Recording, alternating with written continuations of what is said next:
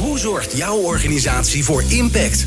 Wat betekenen jullie voor de samenleving? Bedrijven hebben de kracht om maatschappelijke vraagstukken op te lossen. Zo zorgen zij voor winst op alle vlakken. In Impact hoor je leiders en experts over duurzaamheid, MVO, circulaire economie en natuurlijk Impact met Glenn van der Burg. We zijn op Springtij, het duurzaamheidsfestival op Terschelling. Zo'n drie dagen lang gaan 500 mensen aan de slag. En vooral ook in gesprek over de duurzame transitie, waar we natuurlijk met z'n allen middenin zitten. Met Impact maken we drie dagen lang podcasts over de belangrijke thema's met de bijzonder leuke deelnemers van Springtij. En dat doen we vanuit eh, het podcasthuis hier uh, uh, op Terschelling. We staan midden in de, in de bossen. Volgens mij heet het zelfs het donkere, donkere bos hier. Ehm, vlak naast Westerschelling in een prachtige Little Tiny House. Een duurzaam tiny house van All Units uit Breda. En we, ja, we gaan het hebben over de boer, want de landbouwsector zit in zwaar weer. Droogte, stikstof, mestoverschotten, lage prijzen, grote afstand tussen de boer en de consument. We produceren veel meer dan we opeten. Nou, dat gaat gelukkig wel allemaal naar het buitenland. Maar ja, we hebben in Nederland zo'n 12 miljoen varkens, 100 miljoen kippen en 3,8 miljoen runderen. En dat allemaal in ons kleine landje. Nou, we zijn er ondertussen wel achter dat er iets anders moet. Maar hoe dan? Daarover ga ik in gesprek met Johannes Regeling, eh, die eh, bezig is om de traditionele boerderij van zijn ooms om te zetten in een agro-ecologische burgerboerderij. Nou, wat het is, dat horen we zo. En Johan Ozinga is de gast, directeur-generaal Natuurvisserij en Landelijk Gebied. Heren, ik wil heel graag beginnen met een stelling, dan hebben we het gelijk een beetje scherp. Zonder duidelijke keuzes is de agrarische sector niet te verduurzamen. Johannes, laat ik eens bij jou beginnen. Ja, dat is per definitie waar. Um, want als je geen keuzes maakt op, op bijvoorbeeld duurzaamheidsgebied, dan kom je daar ook niet. Nee. En want ik zit bijvoorbeeld te denken aan, um, willen we nog zoveel exporteren? Als het antwoord ja is, dan gaan we andere dingen doen. Als we zeggen, nou, eigenlijk vinden we dat, willen we dat liever niet. Worden dat soort keuzes gemaakt, Johan? Nou, niet op die manier. En dat is volgens mij ook helemaal niet nodig. Want je kunt andere keuzes maken. Hoe kan ik duurzaam produceren en tegelijkertijd toch exporteren? Ja. Want dat, dat, dat willen we eigenlijk nog steeds. Dat is in ieder geval nog uh, breed het, uh, de opvatting in de, in de maatschappij, uh, in ieder geval in de Kamer. Ja. En jij zegt dus het kan wel. Want we hebben, ik noemde, ik heb even de aantallen opgezocht. Ik zal er pas een, vast een paar miljoen naast zitten. Maar het zijn nogal wat beesten die we hier houden met z'n allen. Ja, maar als je daar goed over nadenkt hoe je dat doet, dan kun je een heel eind komen. Het, het is niet voor niks dat Carola Schouten het verhaal over kringlooplandbouw heeft gemaakt. En dat probeert aan de ene kant te zorgen dat je kringlopen sluit, duurzaamheid, en tegelijkertijd wel voldoende economische waarde te creëren waarmee je geld kunt verdienen. En als dat ook met exporteren kan, waarom niet? Ja, en, en, maar dat is eigenlijk de grote vraag waar ik mee zit. Passen die dingen bij elkaar? Passen die grote hoeveelheden? Want alle voorbeelden die ik zie, nou Johannes is zo'n voorbeeld van, daar gaan we straks naar kijken. Die gaan allemaal weer naar toch wat kleinschaliger, dichter bij de burger. De, de link tussen wat, je, wat, er, wat er geproduceerd wordt of gemaakt of, of uh, gegroeid wordt en, en wat er geconsumeerd wordt. Hoe ziet het er dan uit als we nou ja, eh, varkens maken voor de parmahammen? Nou, dat kan uitstekend als je dat dan ook maar doet met het hergebruik van bijvoorbeeld zoals Toppix doet, of nee, uh, Kipster doet, uh, waarbij je gewoon gebruik maakt van afval, uh, dus het voer van veel dichterbij houdt, dat betekent kringlopen sluiten. En dat, dat uiteindelijk leidt dat er wel toe dat je waarschijnlijk veel minder gaat importeren als dat je tot nu toe deed. Ja. Maar dat is niet met het vooropgezette doel, we gaan minder exporteren of het moet minder, maar wel het moet duurzaam. En als dat tegelijkertijd ook kan, nou, waarom niet? Veel belangrijker is, verdien je een goede boterham. en, als, en als je met met, met 500 varkens goede boterham kunt verdienen, moet je er dan per se 1000.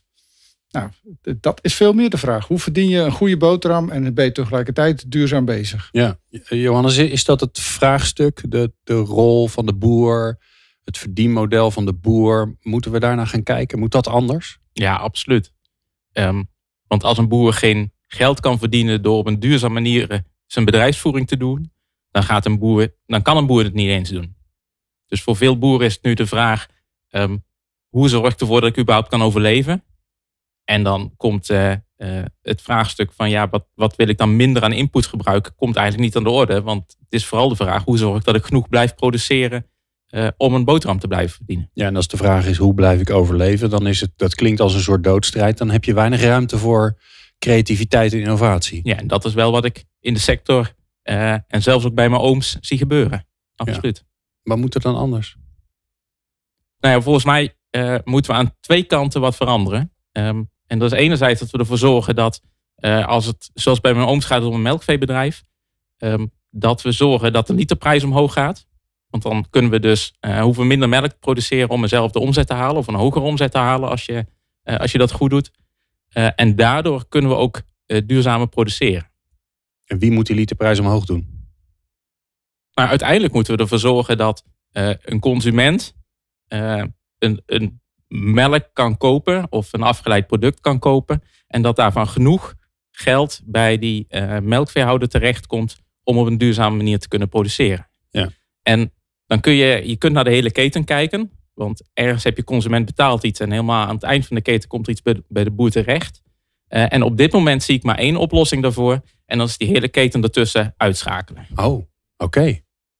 Dus uh, weg supermarkt, inkooporganisaties, gewoon boer, consument, punt. Klopt. En een van de belangrijke dus argumenten daarbij is, is dat zodra de melk het, uh, de boerderij verlaat, gaat eigenlijk een anonieme zuiverketel in.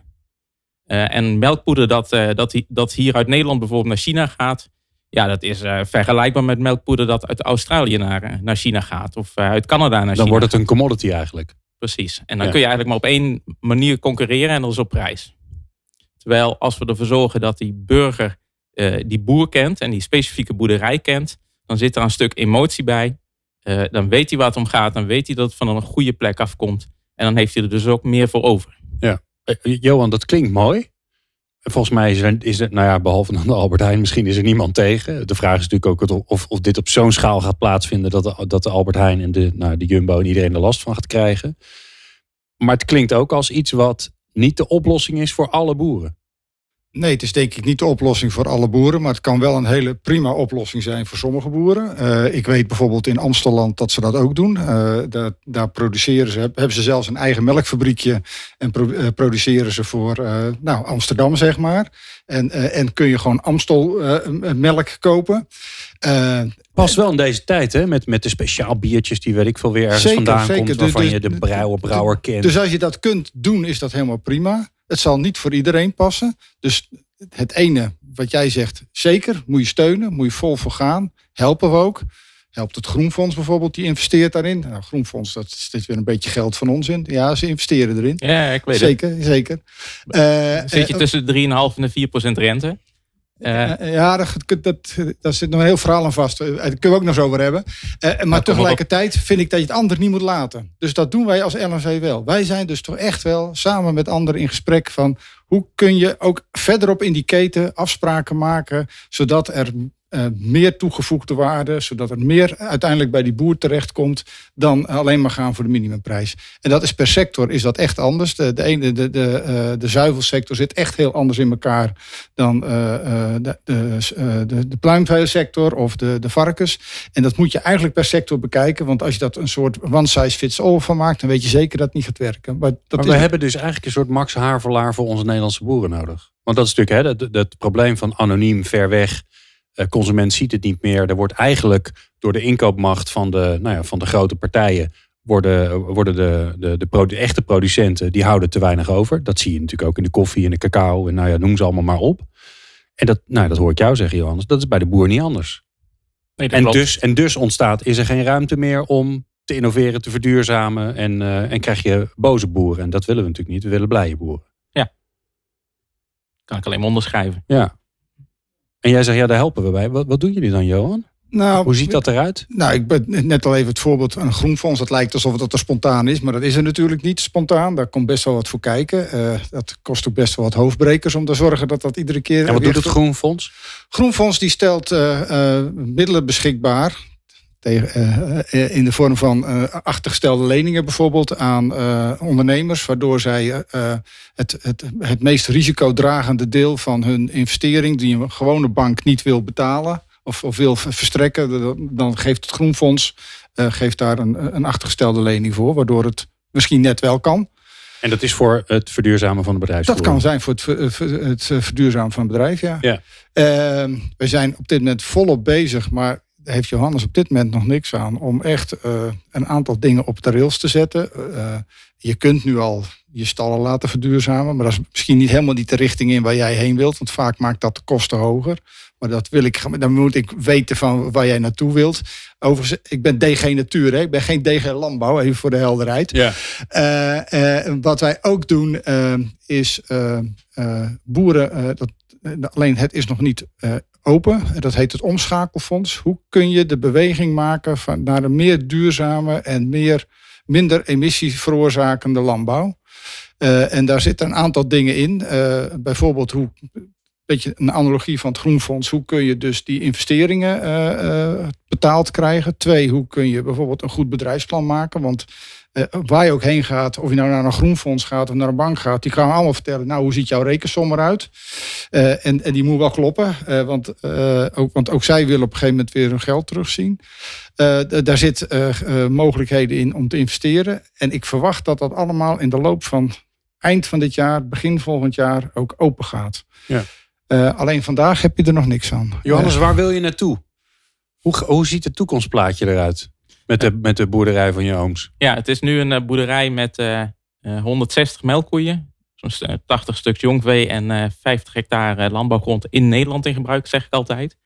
want eigenlijk wordt er zoveel krachtvoer geïmporteerd dat er wereldwijd zo'n beetje 150 hectare in gebruik is. Waarvan dus een belangrijk deel ook in, in Brazilië. Ehm, en waar wij naartoe willen is uh, naar maximaal 70 koeien. Uh, waarschijnlijk iets meer dan die 50 grond. Uh, en daarmee dus ja, heel dicht tegen een volledig gesloten kringloop aan. En dan lopen die koeien ook met z'n allen niet alleen maar op een, op een wei, denk ik dan? Nou, op dit moment lopen ze alleen in een stal. Ja. Um, en, en, en straks gaan, gaan ze weer van een heel belangrijk deel naar buiten. Ja. Ja, maar even, hè, alleen al doordat ze meer dan zoveel procent van de tijd buiten zijn, krijg jij al een hogere melkprijs straks. Ja, daar, daar ga jij dat verschil niet mee maken. Dat snap ik wel. Maar dat zijn, allemaal, wel dat zijn allemaal dingetjes die wel helpen. Of zie ik dat nou verkeerd? Eh, de vraag is of het genoeg helpt. Het helpt niet genoeg. Maar mijn, oom, mijn ooms die hebben um, op dit moment de filosofie ook uh, de Way to Planet Proof bijvoorbeeld. Uh, daar doen we niet aan mee, want het kost zoveel meer extra inzet. En dat verdienen we daarin niet terug. Ze werken met z'n tweeën keihard om het met die 160 melkkoeien mm überhaupt draaiende te houden. Um, en dan nou ja, wordt, wordt er nagenoeg niks verdiend. Uh, en alles wat ze extra moeten doen, dat zien zij niet zitten, omdat het, omdat het eigenlijk gewoon niet past in, in de, en hoe in de denk jij daar dan over na? Want ik kan me ook voorstellen dat je, als je inderdaad denkt over, ik heb zoveel koeien, die geven zoveel melk, en je maakt een rekensommetje en dan is dit wat we ervoor krijgen dat je, dat je eigenlijk heel, heel anders moet gaan denken. Ja, ja ik ben uh, ecoloog van de achtergrond uh, en ondernemer van de achtergrond. Um, en dus het eerste waar ik aan denk is, uh, oké, als ik iets met een melkveebedrijf ga doen, dan wil ik dat het weer past binnen ecologische grenzen.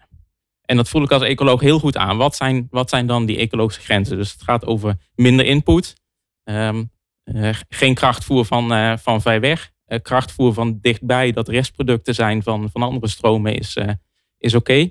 Um, geen, geen kunstmest uh, bijvoorbeeld op dat land. Um, uh, nou ja, zo, zoveel mogelijk die, die koeien bijvoorbeeld zelf het gras te laten halen. In de plaats dat je dat met een trekker doet, inkuilt en vervolgens weer met een trekker in de stal uitrijdt. Uh, allerlei van dat soort aspecten. Um, en de ondernemer en mij zegt van oké, maar als ik dat dus binnen die ecologische grens wil doen, moet ik wel zorgen dat het financieel uit kan. En daar hebben mijn vrouw en ik over nagedacht en nou ja, ook allerlei concepten van, van andere boeren gekeken. En dan komen we dus eigenlijk maar op één oplossing. En dat is die melk zelf verzuivelen. Dus zelf yoghurt van maken, kaas van maken, uh, karnemelk, nou, noem maar op. En dat aan een uh, vaste groep consumenten in de omgeving afzetten. Oké, oké. Mensen die betrokken zijn bij jullie boerderij. Die weten waar jullie zitten, hoe het eruit ziet, die jullie misschien zelfs wel kennen. Ja. Is daar een voorbeeld van? Ja, ja, ja er is een uh, boerderij Veld en Beek heet die in oh. Ja. En dat is ons, ons grote voorbeeld wat betreft hoe ze, hoe ze georganiseerd zijn en hoe, hoe ze de logistiek uh, op orde hebben. Ik heb een uh, sleutel. Nou, kijk. ik ook. Ja. Dus ik ben ook al jaren consument daar. Nee, nou, Johan, dat moet je even regelen. Dat is fantastisch. Okay, het is 24 uur open. Er staat gewoon ja. een koelcontainer in Wageningen.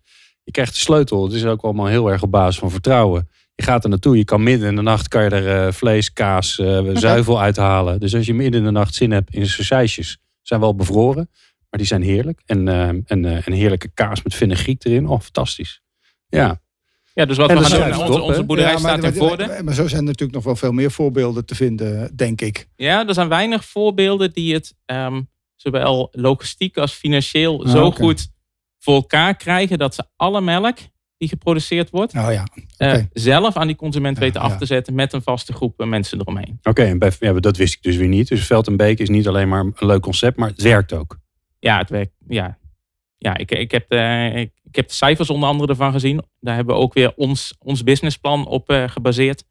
Ehm, en dat ziet er goed uit. En dat, ik vind dat dan prachtig. En dan denk ik, daar moeten er veel meer van komen. Maar het is niet de oplossing. Het is een oplossing voor een stukje. Maar er zijn ook nog heel veel boeren waar het niet de oplossing voor is. En daar ben ik zo benieuwd van, naar Johan, van hoe jullie eh, daar... Nou, nee, nee, nou moet ik even jou op jouw rol aanspreken. Want je bent van de natuur. Eh, dus het gaat ook van de balans tussen de boer en de natuur. En de boer gaat natuurlijk steeds een belangrijkere rol ook in de natuur spelen. Want ze zitten er of vlakbij of ze worden onderdeel van de natuur.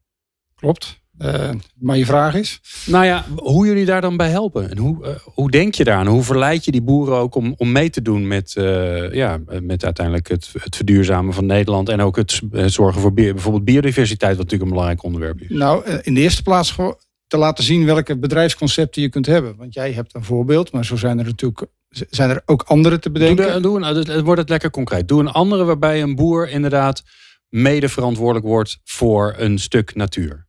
Die zijn er volgens mij ook. Ja, die zijn er zat. Eh, een van de regio-deals in, eh, in het noorden van het land beginnen ze met z'n allen een corporatie waarbij ze ervoor kiezen om boeren gezamenlijk, waarvan een deel van de koeien loopt op grond van Staatsbosbeheer, daar het gewoon zorgt dat die, die grond beheerd wordt en een doel krijgt wat, waar die grond voor bedoeld is.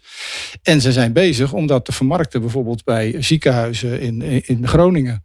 Dus dat is op een andere schaal dan jij het over hebt. Hè. Dat gaat daar niet over één, één boer met een, relatie om zich heen, maar een corporatie van boeren die met elkaar en samen met Staatsbosbeheer en andere ondernemers, want dat wordt echt een corporatie ook van die op andere onderdelen in de keten zitten, maken ze afspraken bijvoorbeeld met ziekenhuizen en zorginstellingen in Groningen. Is het, eh, het, het Westerkwartier waar dat gebeurt. Mooi.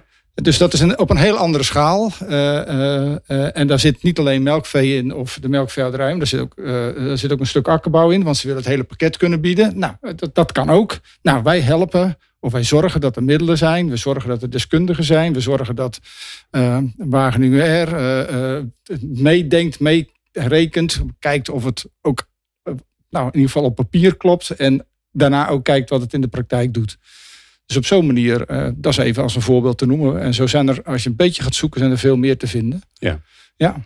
mooi. En, en, en dan, dan, ja, dan zijn er boeren die echt eh, tientallen hectares van Staatsbosbeheer op die manier doen. Ja. En, en dat is voor Staatsbosbeheer aantrekkelijk, want dat is op een hele, an- dan wordt die grond op een heel andere manier beheerd. Die koeien die zijn, die, dat zijn lopende vleeskoeien in dat geval, ja, die, die, die, die, die zijn die pakken niet eh, eh, als een grasmaaier eh, hapje voor hapje, maar die zijn heel selectief wat ze wel en wat ze niet doen. En die lopen er doorheen en die gaan daarin zitten roeren en, en, en, en, en rossen. En dus daar gebeurt van alles. Ja, En, dat en is- dat is vanuit het oogpunt van biodiversiteit is dat gewoon interessant. En, en daar, komt verse mest en nou, dat, dat trekt weer insecten, dat doet weer dingen voor het bodemleven. Nou, dan gebeuren er dingen. Ja. Ja. Ja. Mooi. Dus de boer heeft een belangrijke rol in de verduurzaming. Niet alleen maar om te zorgen dat er minder van alles, van van alles nog wat is, maar ook dat er meer van, van dingen komen. Bijvoorbeeld op het gebied van Nou, dat, is, biodiversiteit. dat is iets wat wij heel graag zien en ook heel bevorderen dat dat ge- gebeurt. En dat daar ook modellen ontstaan waar je in ieder geval ook daar geld mee kunt verdienen. Want dat is de essentie van jouw verhaal. Je moet er uiteindelijk wel een boterham mee kunnen verdienen. En niet alleen vandaag, maar ook, ook het vertrouwen hebben dat dat iets is waar je een aantal jaren mee vooruit kan. Ja. Nou, dat is nog best wel een strijd, eh, eh, hoe je dat kan doen. Eh, en hoe kun je daar meer continuïteit in bieden. Maar daar zijn we wel volop mee bezig om te zorgen dat dat gaat gebeuren. Het is tijd voor de laatste vraag. En in, met de laatste vraag neem ik jullie mee naar springtijd 2021. We zijn een jaar verder. En we zijn weer hier, misschien zelfs wel in hetzelfde huisje, weet jij veel. Jullie hebben een jaar lang weer hard gewerkt, hard gezorgd, energie gegeven aan alle transities die er plaatsvinden op duurzaamheidsgebied. En we kijken terug naar het komende jaar. Dat is een beetje raar, maar, eh, eh, dat, zeg maar daar zit de toekomst en het heden zit er in één keer in. Maar jullie kijken volgend jaar terug op het komende jaar. Wat is nou het spraakmakende wat jullie voor elkaar hebben gekregen? Want we moeten dingen gaan doen. De tijd dringt, we moeten gas gaan geven. Johannes, Ik hoop dat er dan eh, 300 gezinnen eh, in de omgeving van Vorden van lokaal geproduceerd voedsel voorzien. Mooi. Dat is lekker concreet. En die kunnen we tellen. Dus volgend jaar dan, eh, dan gaan we kijken of het gelukt is. Mooi. En je kan natuurlijk oproepen als je nog, als je nog hulp nodig hebt. Hè? Dan is dit het moment. Ja, eh, hulp eh, kunnen we op een aantal manieren gebruiken. Ehm, mensen die in omgeving worden, die kunnen aangeven dat ze vanaf maart producten van onze boerderij willen afnemen. Dus als ze in Zutphen Lochem, Voorde, eh Hengelo, Gelderland, eh Doetinchem zou ook nog net in de regio kunnen, kunnen vallen. Ehm, maar we zijn ook op zoek naar mensen die dit een, eh, een warm hart toedragen en daarmee ook financieel willen bijdragen. Want ik zei net al tegen Johan, eh, Nationaal Groenfonds zit je op een proce- een 3,5 tot 4 procent rente. Ehm, als je de grond neemt die nu van mijn ooms is en die ze graag aan mij willen overdragen, maar die willen ook met pensioen kunnen. En ik ga dat financieren met 3,5 tot 4 procent rente, dan kom ik zelfs met zo'n korte ketenmodel niet uit. Eh, en daarom hebben we ook een stichting opgericht, Stichting Grond voor de Patrijs. Die dus grond dan koopt met eh, eh, geschonken en geleend geld. En dat tegen een eh 1% rente eh, aan de boerderij ter beschikking stelt. Ja. En dat is meer dan je bij de bank krijgt. 1% toch? Dus Klopt. dat is al winst, zou ik zeggen. Mooi. Zeker. Nou, Ja. Ben, wat houd je tegen? Nou, zeker. En het is, eh, het is, ik woon te ver weg, maar nog dichtbij genoeg om een keertje langs te gaan. Johan, het is volgend jaar, springtijd 2021. Wat, heb je, wat voor spraakmakends heb je voor elkaar gekregen? Nou, eh, toch even terug in het verlengde van Johan. Ik, ik zou het liefst hier vertellen dat wij van gekkigheid niet meer weten hoe wij alle mensen die eh, wild enthousiast zijn over ons, ons omschakelfonds, dat er zoveel aanvragen zijn dat wij eigenlijk het, het gaat drie keer over de kop. Want dan hebben we iets bedacht wat aansluit bij de vraag en waar mensen mee aan de slag kunnen. En dan ben ik trots op dat wij dat hebben uitgevonden. En ik zou dat graag zien dat dat drie, over volgend jaar om deze tijd tegen jou kan zeggen. Ja. Dat het, eh, Want het omschakelfonds is er nog, net nog niet, hè? Nee, het is er nog net niet. Wanneer hopen- komt het? Eind van dit jaar, begin volgend jaar. Oké. Allemaal ingewikkelde dingen met Europa waar ik je niet over lastig zal Nee. vallen. Maar eh, eh, we gaan ervan uit dat we dat gewoon eind van het jaar in de lucht hebben. En dat we, dat we het volgend jaar om deze tijd kunnen zeggen, we zijn volledig overlopen.